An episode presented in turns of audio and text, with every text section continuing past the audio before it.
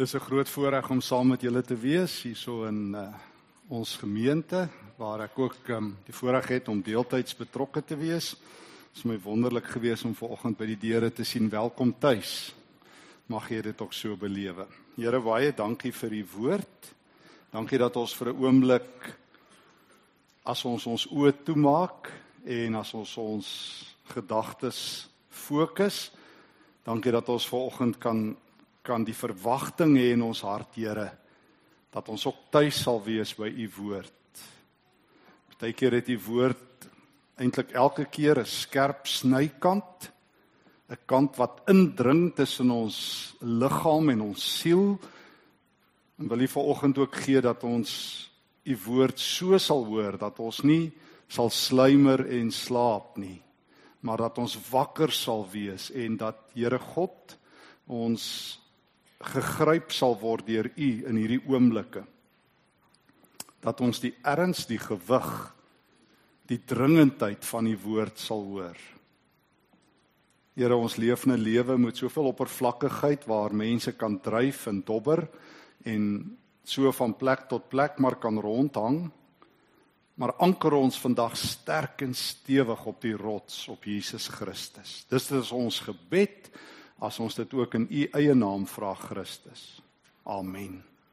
Ons gaan volgens stil staan by 'n uh, groot teks, die van die woorde van ons Here Jesus in ehm um, Lukas hoofstuk 16, Lukas hoofstuk 16, 'n gelykenis wat Jesus vertel. En dit is 'n dit is regtig 'n aangrypende gelykenis van Jesus die ryk man en Lazarus. Dit is so dat ons in 'n wêreld leef, vriende, wat vir baie mense hier en nou die ehm die som totaal van die lewe is. Al wat saak maak is hier en nou. Soveel so dat daar in Engels alselfs 'n woord is om van lewe na die dood te praat as die afterlife. Die na lewe, die afterlife. So asof die eintlike lewe hier is en dan is die lewe aan die ander kant so 'n nagedagtenis and afterthought sal die Engelse ook sê. Afterlife and and afterthought. Dit is so dat baie mense ook sê dat hierdie lewe nie 'n inoefening is nie. Dit is nie 'n kleedrepetisie nie. Jy het net hierdie een en enigste lewe. Nou in 'n sekere sin twee feite, twee feite uit die Bybel. Dit is nie heeltemal korrek nie. 1. Hierdie lewe is deel van ewige lewe. Toe God jou gemaak het, toe hy jou in aansyn geroep het, Psalm 139, toe God jou beplan het, het God toe jy gebore is, toe hy het hy een eienskap in jou ingeskape en dit is dat jy ewig sal lewe. Alle mense. Alle mense. Alle mense. Al 7.3 miljard mense wat nou op die planeet is, het een gemeene deler. Ons almal gaan ewig leef. Daar is, dis ons eerste belangrike feit. En daarom sal sal sal Paulus praat van die twee kante van die lewe. Hy sal byvoorbeeld in 2 Korintiërs 5 sê, hierdie kant is die tent en die kant wat kom is die hemelse gebou. Maar daar wag op ons almal en ons is almal tans deel of jy 1 jaar, 5 jaar, 50 jaar, 100 jaar oud is, is deel van lewe wat vir altyd sal aanhou. Feit nommer 2. Daar gebeur iets met jou lewe. Erns gaan jy dood. Die Bybel sê dit en ons almal weet dit. Erns is hierdie lewe van so 'n aard dat jy vir jouself nog op 'n dag gaan dood lewe. Dit is net so. Erns gaan jy asem uitblaas dan sit jou laaste asem. Erns gaan jy net op 'n dag kom en dan is die lewe verby. Die Bybel sê dit. Alle mense gaan dood. Almal. Derde feit.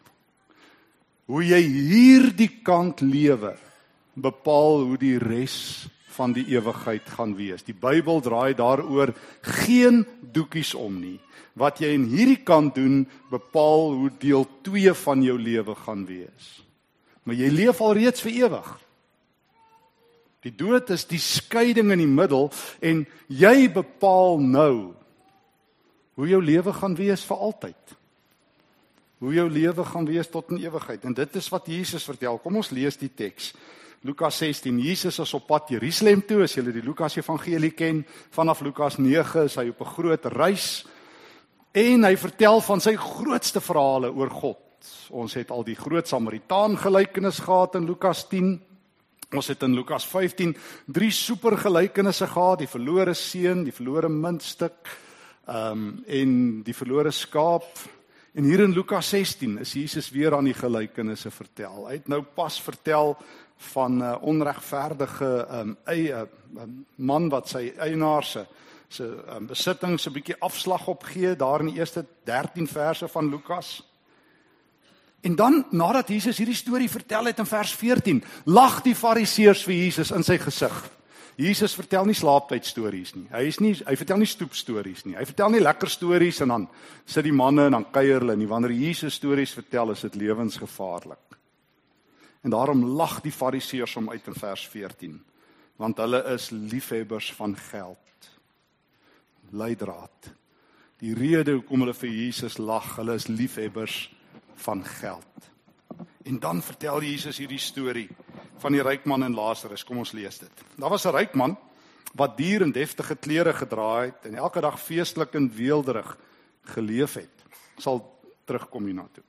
En daar was 'n arme man met die naam Lazarus. Enigste persoon ooit in een van Jesus se gelykenisse wat 'n naam kry. Nooit gebruik Jesus 'n persoonsnaam in 'n gelykenis nie behalwe hier.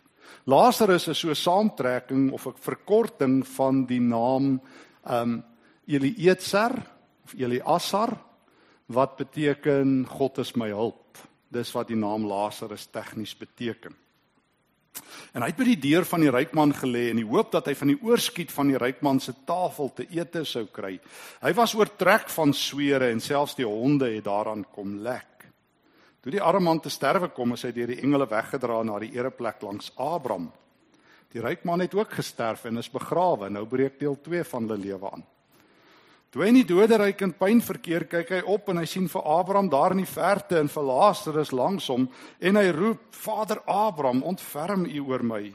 Stuur tog vir Lazarus dat hy net die punt van sy vinger in die water sit en my tong afkoel, want ek ly verskriklik in hierdie vuur." Maar Abraham sê: "My kind, Onthou dat jy in jou lewenstyd al die goeie gekry het en Lazarus die slegte.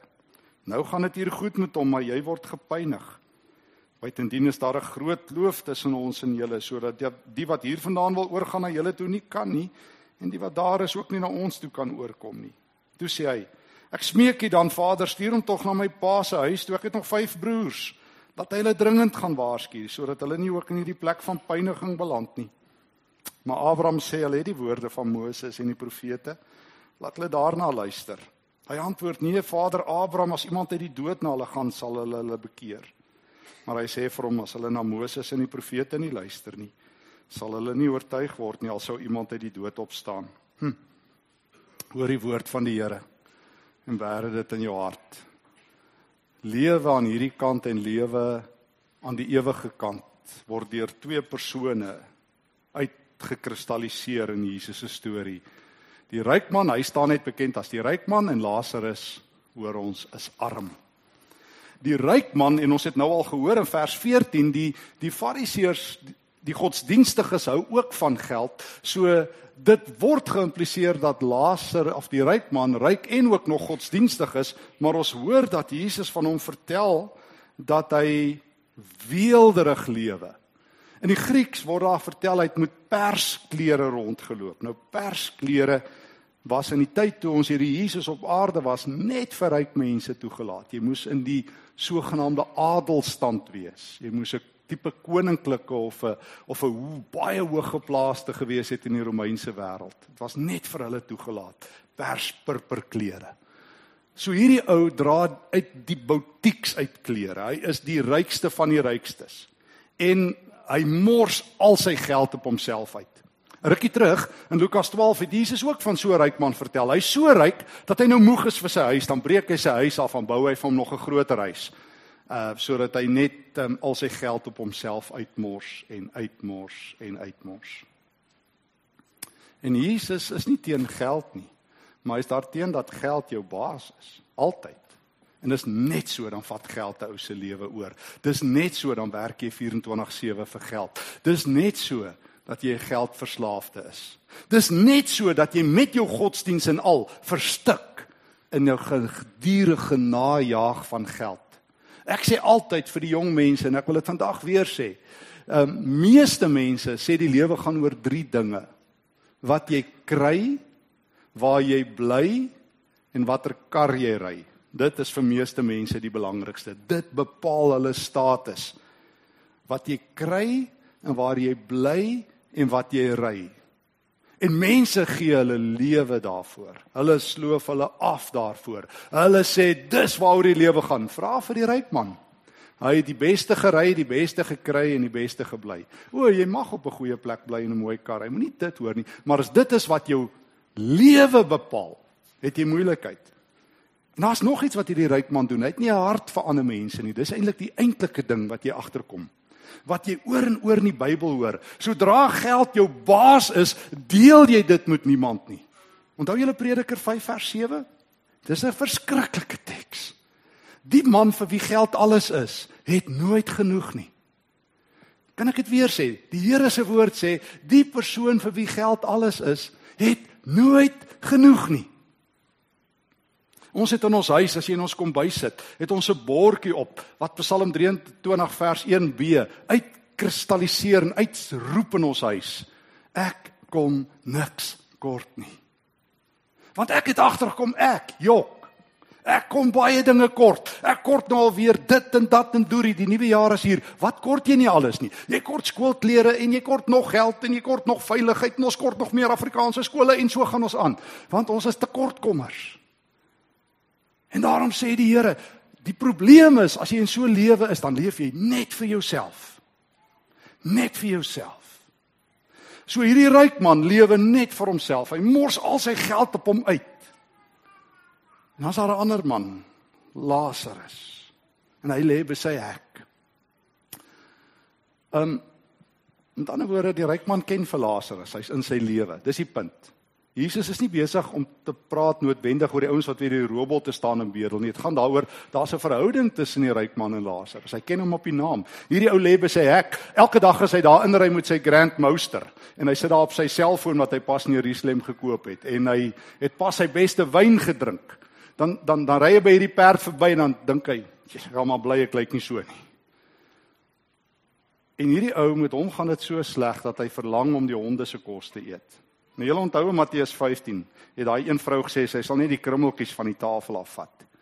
Hy kry nie eens die honde se kos nie. Hy lê daar en hy rot op en die honde kom lek aan sy swere so sleg gesê. So hier's 'n verhouding tussen hulle. Die ryk man behoort te weet dis Lazarus en al wat hy net sê is hm sterkte. Dink aan jou. Maak dit nie hard vir jou nie want ek is so besig met my eie harde hart om my eie koninkryk rondom myself te bou en al ryker en ryker te word om myself en ek deel niks. So my godsdiens help my nie. Al wat ek net sê, ek is daarom geseënd. En kyk net hoe gaan dit met my geld. Deel 1 van die storie en toe sterf hulle. Deel 2. Maar gebeur daar 'n 'n geweldige ding albei kry waar hulle hulle lewe belê het. Dis die ding. Daar's nie 'n verrassing nie. Luister gou mooi, hoor gou. Daar's nie 'n verrassing die lewe na die dood nie. Dis nie asof dit 'n verrassing gaan wees nie. Jy gaan kry wat jy nou belê. Dit wat jy nou met jou lewe doen, betaal uit aan die ander kant. Dit gaan nie 'n verrassing wees nie. Gaan nie jou oë toemaak en dan sê jy, "Hoe het ek hier gekom as jy in die doderyk is en jy saam met 'n uh, oom Rykman daar nie?" Jy werk vir jou aftreepakket. Net soos wat jy jou aardse kort lewetjie beplan, moet jy nou mooi dink wat moet jy met jou lewe doen, want wat jy nou doen, die dag as jy jou oë toemaak en dit weer oopmaak, gaan gebeur wat met jou gebeur. Alle mense, hoor mooi, alle mense gaan in Jesus vasloop. En ek loop liewers 5 minute voor my dood aan hom vas, na 5 minute na my dood vir die eerste keer. Soos ek nou die dag vir 'n ou sê. Hy sê hoe gaan die lewe na die dood wees? Ek sê kom ek praat eerder met jou oor lewe voor die dood. Want dit is belangriker die is jou lewe voor die dood uitsorteer. Dan kan ons praat oor lewe na die dood. Want vergeet nou oor die lewe na die dood, maak dinge hier reg. Want Jesus sê in Johannes 5 vers 7, wie 47, wie my glo, het die ewige lewe. Dis nie geheim nie. Wie in my glo, het die ewige lewe. Johannes 3 vers 18, almal ken vers 16. Vers 18 sê, wie nie glo nie is klaar veroordeel. Dis nie 'n verrassing nie.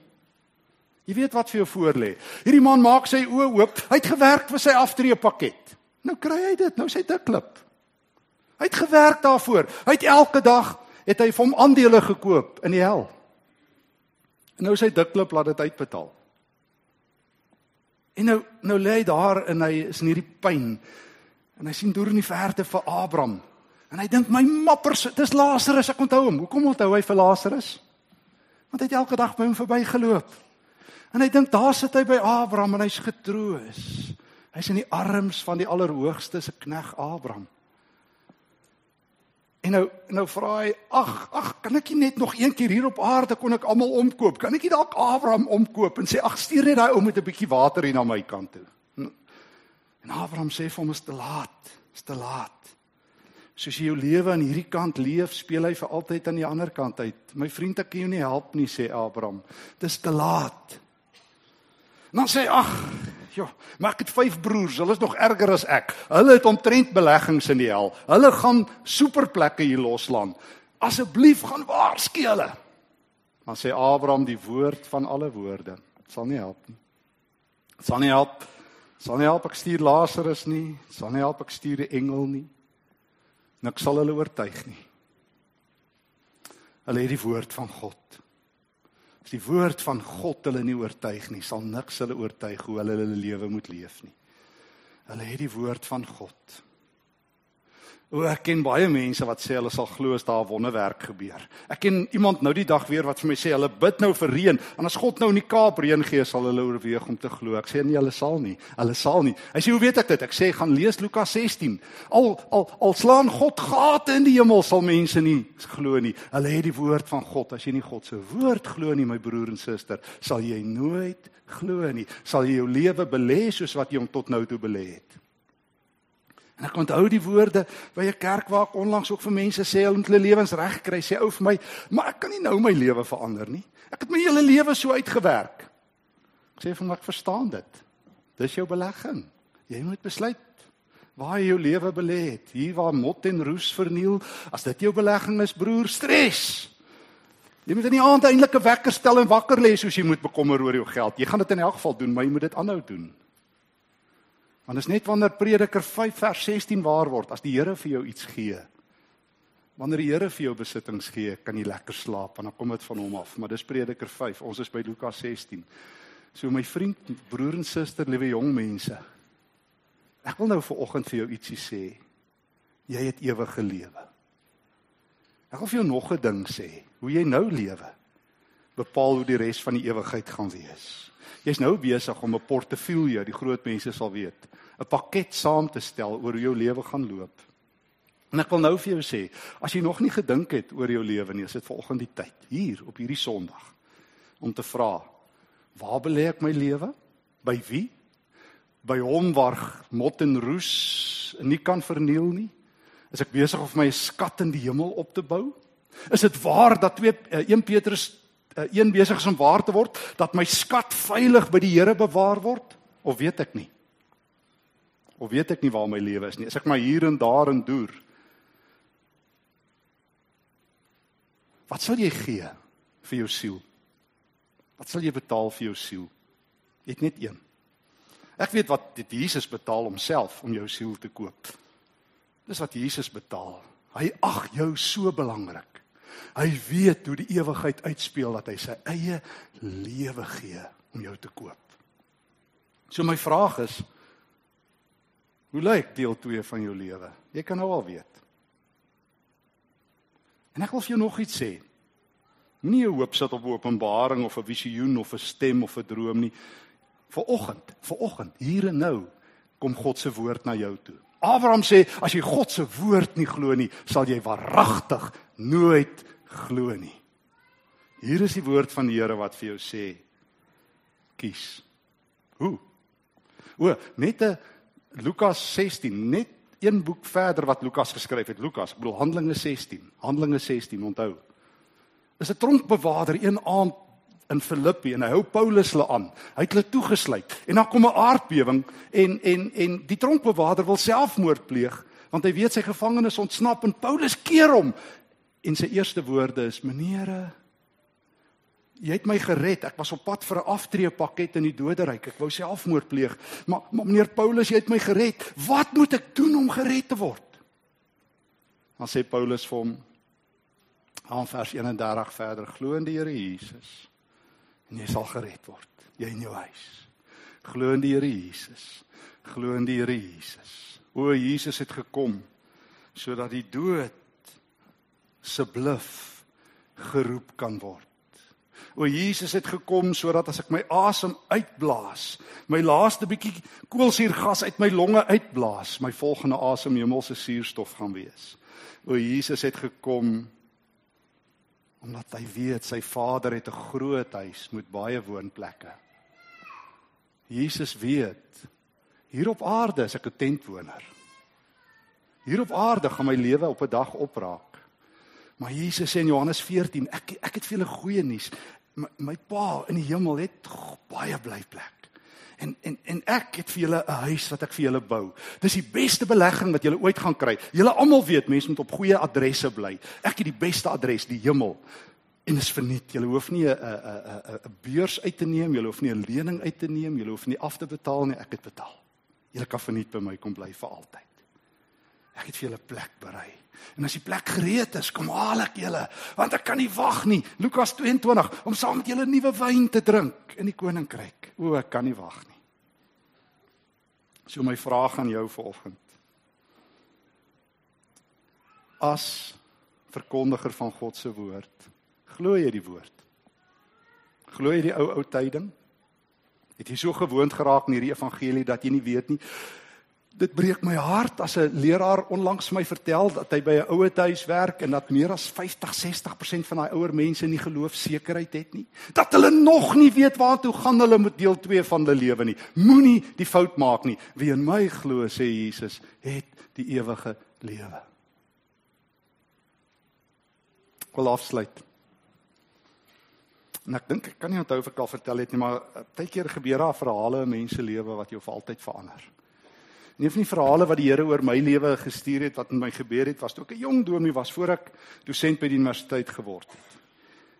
En ek was ehm um, so jong ouetjie en ek het nie mooi nog geweet nie, maar ek het daai tyd ook al geweet ek moet met mense praat dat hulle seker is oor hoe hulle lewe uitspeel. En toe gebeur dit dat een ouetjie daar in ons gemeente in Benoni jong ou seentjie, ek dink hy was 10 jaar oud, dat hy bloedkanker kry. En ek onthou ek die aand uh, by hom gaan sit in die hospitaal in Johannesburg. En ek het geweet hy gaan nie daai nag deurgaan nie. Die susters het ook gesê hy is klaar, hy gaan sterf in die nag. En ek onthou ek het met hom in die week voor dit ook bietjie gesels. En hy het my vertel, oom, ek glo in Jesus. En daai aand het dit vir my so werklik geword. Ek staan op die drempel van die dood. Hier draai die gety hier skuif iemand van adres. En hierdie ou seentjie 10 jaar oud, hoe kan ek dit vir hom verduidelik? En ek en ek onthou ek het toe ek die aand in sy kamer instap het ek vir sy ma en pa gevra of hulle 'n oombliekie buite sal wag want almal was baie hartseer. En ek het daar langs sy bed gesit en sy oë oop gemaak en ek het vir hom gesê Ehm, um, toe ek nou hier by jou kamer instap, het ek gesien hier staan iemand hier buite die deur. Ek wonder of jy gesien het, net hier buite. Ek sê as jy so en hy is ou stikkende lyfie het so half op opgebeur en ek sê het jy gesien? Hy sê wie's dit oom? Is dit van ons familie? Ek sê nee. Ek het by die Here Jesus verbygestap. Hy staan net hier buite. En ek het gesien hy het 'n hy het 'n groot kroon in sy hand. Hy sê ja oom. Ek sê en ek het mooi gekyk en ek het gesien jou naam. Ek dink dit was Johan. Hy het vir jou 'n kroon gemaak. Want hy kom jou haal. En as hy jou kom haal, kom hy nie met 'n rotting nie, hy kom met 'n goue kroon, want dis wat hy sê, of jy 10 jaar oud is of 100 jaar oud, hy kan nie wag dat jy kom na hom toe nie, want hy het vir jou plek. Want want hierdie is eintlik die voorlewe. Dis eintlik the before life, the afterlife. Dis waarvoor Jesus jou gemaak het. En hy het vir jou 'n goue kroon. En ek het hom gevra as jou lyf seer, hy sê o my liggaam pyn, ek wens so. Dis verby. Ek het hom sê Jesus het vir jou 'n nuwe liggaam Jy gaan nuut wees. Hy sê oom kan oom nie maar net vir Jesus vra en sommer nou kom nie. toe onthou ek jare later wat ek ook al vertel het toe ek in daai motorkaping was en die ou my wou doodskiet en ek so op my knieë staan en in die 9 mm so span en die ou my wil skiet en die ander ou langs hom vir hom in ondiplomatiese taal sê hoe hy my moet skiet. En ek een gesin gebed oor gehad het, was my enigste gebed, Here, ek kom huis toe. Wag vir my by die deure. En ek was 'n bietjie teleurgestel dat hulle nie geskiet het nie. Want ek is nie soos meeste mense Pretoria, ons glo in die ewige lewe, maar ons wil asseblief nie gaan nie. Meeste Christene wat ek ken, die grootste wonderwerk is die Here moes hulle by 'n siekbed of by 'n sterfbed lewendig gemaak het. Die grootste wonderwerk wat die Here in my lewe kan maak is as hy sê Stefan, ek kom jou haal. Ek het jou gemaak vir die ewigheid. Ek het dit in jou ingelê. Ek het jou lief. Ek het jou gekoop met my bloed. Ek kan nie wag dat jy by my is nie, dat ons mekaar in die oë kan kyk, dat jou geloof aan aanskoue kan oongaan. En toe sê ek vir ou seentjie vanaand, gaan Jesus om die draai kom. Hou jou oë oop. Dit gaan 'n mooi aand wees. Dit gaan die beste aand van jou kort lewe wees. Hy kom jou haal. Die beste lê nog voor, weet julle. Ons lewe is baie keer hard en is in Suid-Afrika klipperig en hier's baie moeilikheid. Maar weet jy wat? Die beste lê nog voor. Die beste lê nog voor. Jesus staan met 'n goue kroon vir jou en wag. Weet jy dit? Glo jy dit? As jy dit nie glo nie, dis hoogtyd. Ten minste en daarmee sluit ek af, wil ek sê wat iemand eendag vir my gesê het. Toe ek so bietjie by hom sit en kla, Engelse mentor, toe sê hy vir my Stefan, if you cannot be a good example, at least be a horrible warning. As jy nie vir mense 'n voorbeeld kan wees nie, wees ten minste 'n slegte waarskuwing. So as jy nie die evangelie vanoggend wil hoor nie, wees 'n slegte waarskuwing hoe mense hulle lewens opmors. Maar as jy ernstig is oor die Here, die Here wat staan en klop aan die deur van jou hart, moet jy daai deur oopmaak. Want Jesus wil by jou inkom en saam met jou maaltyd hou. Amen. Ek gaan 'n paar oomblikke vir stil gebed gee dat jy net hierdie gesprek met die Here gou klaarmaak.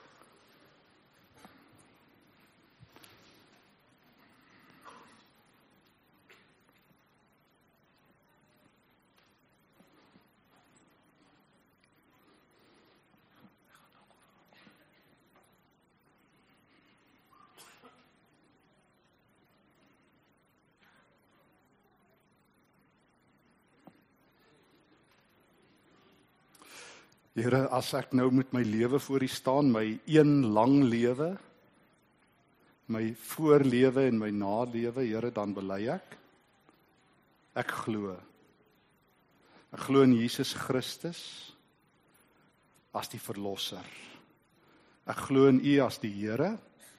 Ek glo in U Here as die Here wat afbetaal het, wat my kom koop het toe ek onkoopbaar was, wat my kom soek het toe ek in die donker verdwaal het wat vir my lewende water kom gee toe ek verstik het in giftige water.